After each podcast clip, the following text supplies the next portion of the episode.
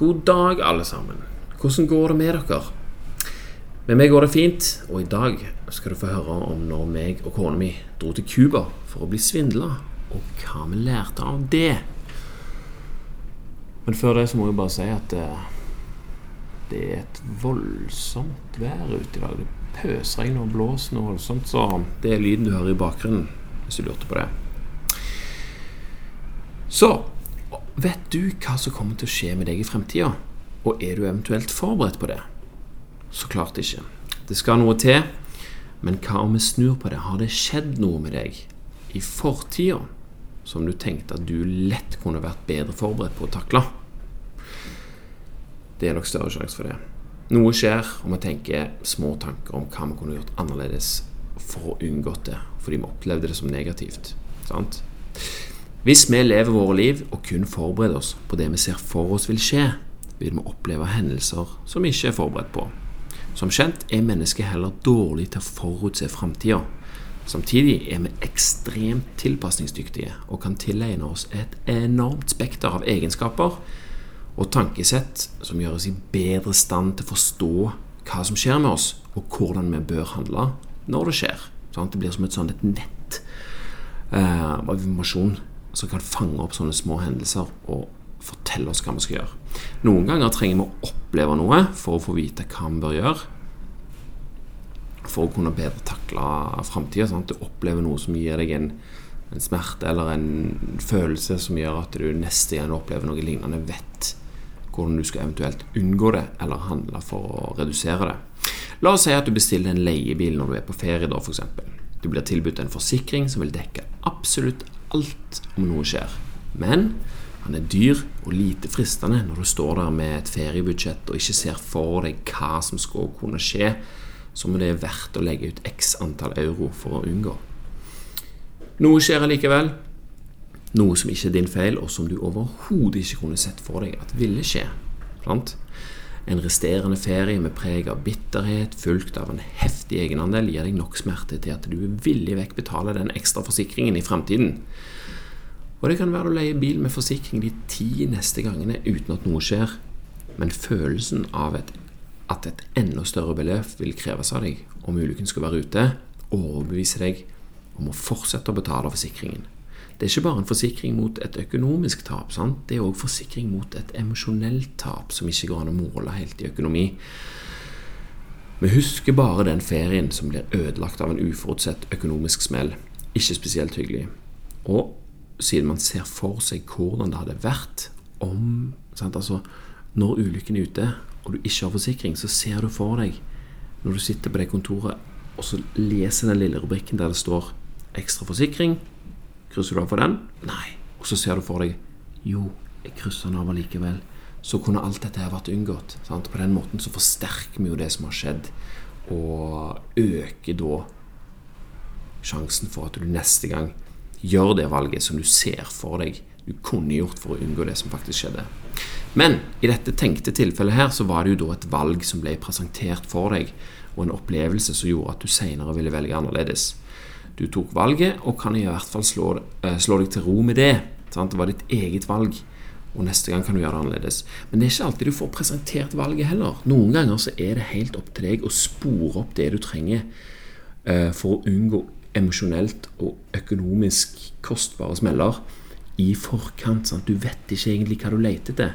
Hvis du er på leiebilkontoret, så får du iallfall et skjema der det står Nå skal vi komme til historien her.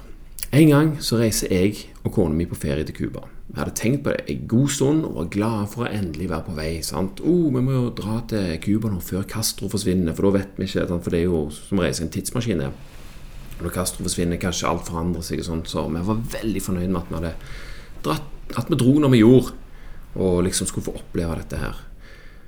Vi landa i Havanna i strålende sol, bleike som nyvaska laken og skikkelig jetlag som seg hør og bør. Så gikk vi der, naive og lykkelige på tur i byen for å suge til oss kultur og vennligsinnet lokale. Tenk at vi endelig var på Cuba. Nå er vi her, tilbake til 50-tallet. Vennligsinnede lokale de dukka opp, de, og de ville hjelpe oss med å veksle penger, fortelle oss hvor vi kunne dra, og hva busser som gikk hvor, osv., osv. Wow, for en gjeng! Penger ble veksla, og smil ble delt. Sant? Det er nemlig eh, På Cuba er det sånn at det er forskjellige valutaer for de, de, som bor der, de lokale, og for turister og bla, bla, bla. Sånn og sånn og sånn. Vi var fornøyde, og det var de som hjalp oss òg. Mer enn vi ante, for å si det sånn. Det tok litt tid før vi skjønte at noe var galt. Det var faktisk ikke før neste dag at det virkelig begynte å gå opp for oss at vi har blitt svindla for 7000 kroner. Så dette er nesten ti år siden, og 7000 kroner var en heftig andel av budsjettet vårt. Kan du tenke deg hvor glad vi var? Dag 1 av 21 ble vi svindla for en tredjedel av budsjettet vårt. Yes. Det var tungt å svelge, og det tok noen dager før vi endelig var i stand til å si ok, det skjedde, la det bare ikke ødelegge enda mer av ferien vår nå. Prøv å glemme det. Det er helvete med Castro Hemingway, den gamle mannen av havet, og ut av Havanna i en brenning. Hadde ikke lyst til å være der mer i det hele tatt. Så etter hvert så havna vi på ei strand der vi fikk litt mer ro og rom til å kose oss. Nå begynte det å bli deilig her. Hendelsen var liksom, lå litt i bakgrunnen. Jeg husker det så godt. Jeg lå der under en parasoll med utsikt over asurblått hav og nøyt en Bucanero, som er en av de to cubanske øler det går an å få tak i der. Jeg var på vei til å bli solbrent og i mindre fare for å bli svindla allerede. Jeg får slå opp i Lonely Planet-boka mi for å se hva det er som skjer her på øya. Vi hadde siktet litt i den, men jeg hadde ikke sikt på den sida jeg nå slo opp på, for å si det sånn. Og der sto det jo selvfølgelig, i detalj, hvordan uvitende turister ble svindla med dette her valutatrikset. Hele episoden passerte jo selvfølgelig da igjen i revy. Opplevde på nytt. Hyggelig mann med gulltenner som hjelper oss. Eh, vent litt nå. Gulltenner? Jeg trodde de var fattige her på Cuba. Men han her har jo hele munnen full av gull.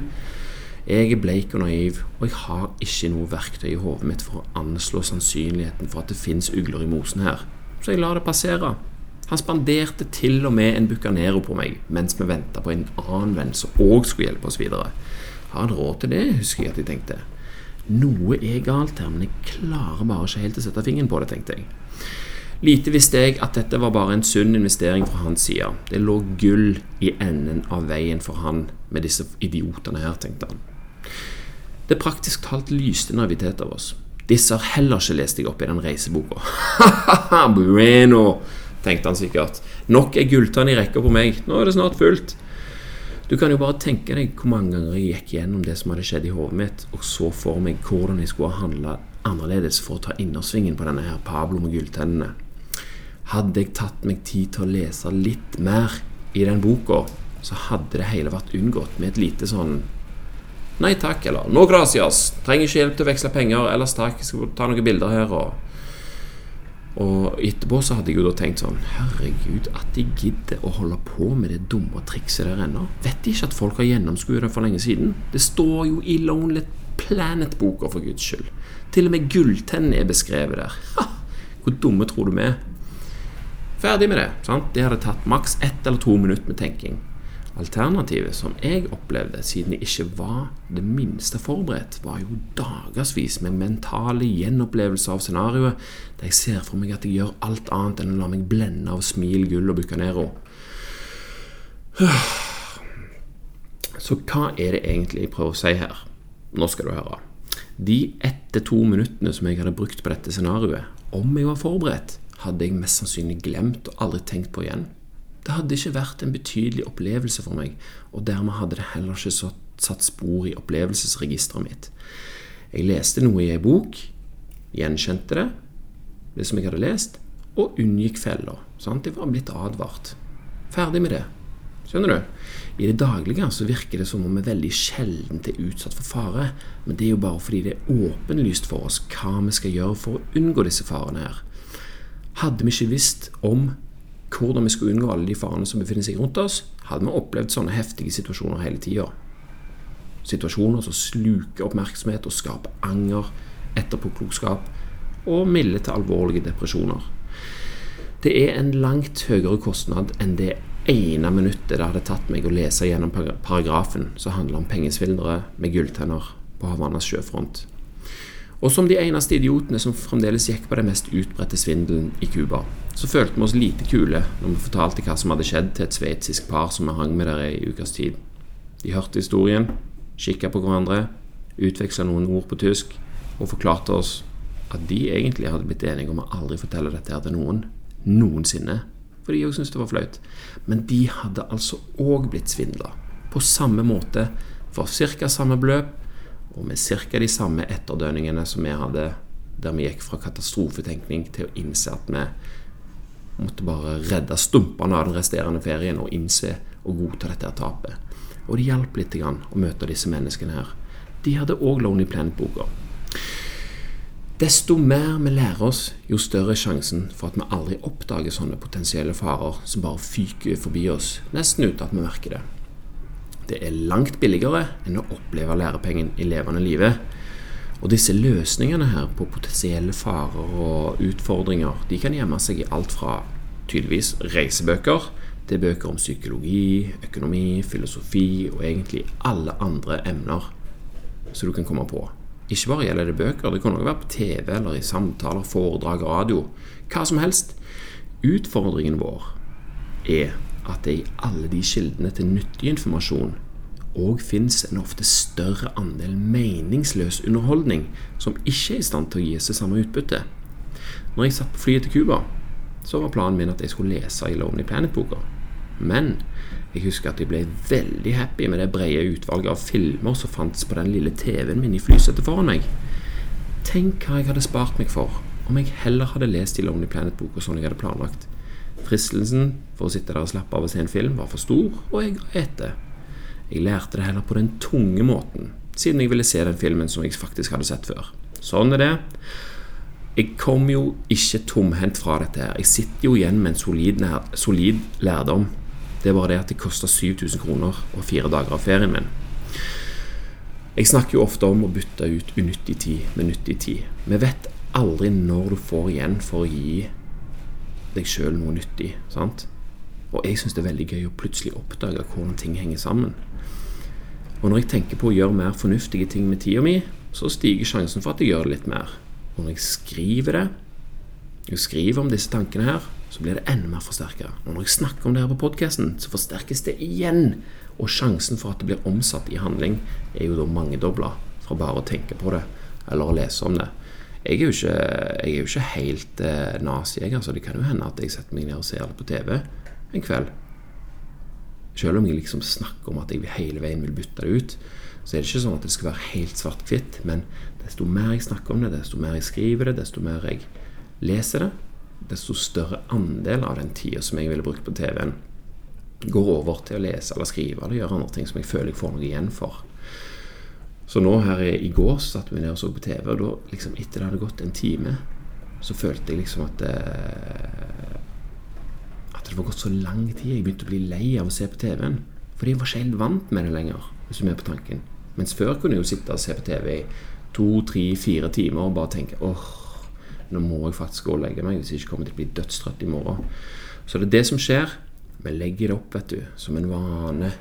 Desto mer vant vi blir til å se tre timer, desto større sjanse for at vi vil se fire.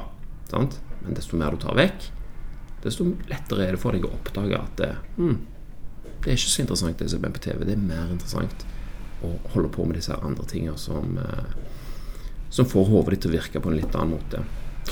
Og som en bonus da, så håper jeg jo at eh, når jeg sitter her og snakker om dette her, så kan det smitte litt over på deg òg. Hvis det gir mening, da. Jeg sitter jo bare her i mitt eget ekkokammer og forsterker mine egne tanker. Og jeg mener ikke, som sagt ikke at alt skal bytte ut, men om du gjør det litt, så kan du ende opp med å tjene mye. Og da blir det plutselig interessant å gjøre det enda mer. Så nå får det være nok. Jeg eh, prøver egentlig å mm, jobbe med å lage disse episodene her litt kortere. Jeg spurte en forfatter om, eh, en gang om et råd, og han sa at de skulle kutte ut en 15 minutters episode ned til 5 minutter. Jeg har ennå ikke klart det, og det jeg lurer på, egentlig, om lengden på disse her er ok for deg som hører på, eller om vi skal prøve å kutte de ned. Blir det for mye babbel, rett og slett? Jeg har lett for å snakke. Hvis du har en mening om det, så setter jeg pris på om du har lyst til å sende over noen ord om enten det eller noe annet du har lyst til å fortelle meg. Du kan sende det til eivind.podkasten.no. Det er det som er postadressen. Send i vei om du føler kallet, og du kan melde deg på nyhetsbrevet på podkasten.no og om du vil få med deg det. Og de e-postene der går det òg an å svare direkte på, og så får jeg de etter innboksen min. Så det var det. Tusen takk for meg. Tusen takk for nå. Og tusen takk til deg som hører på. Vi snakkes neste gang.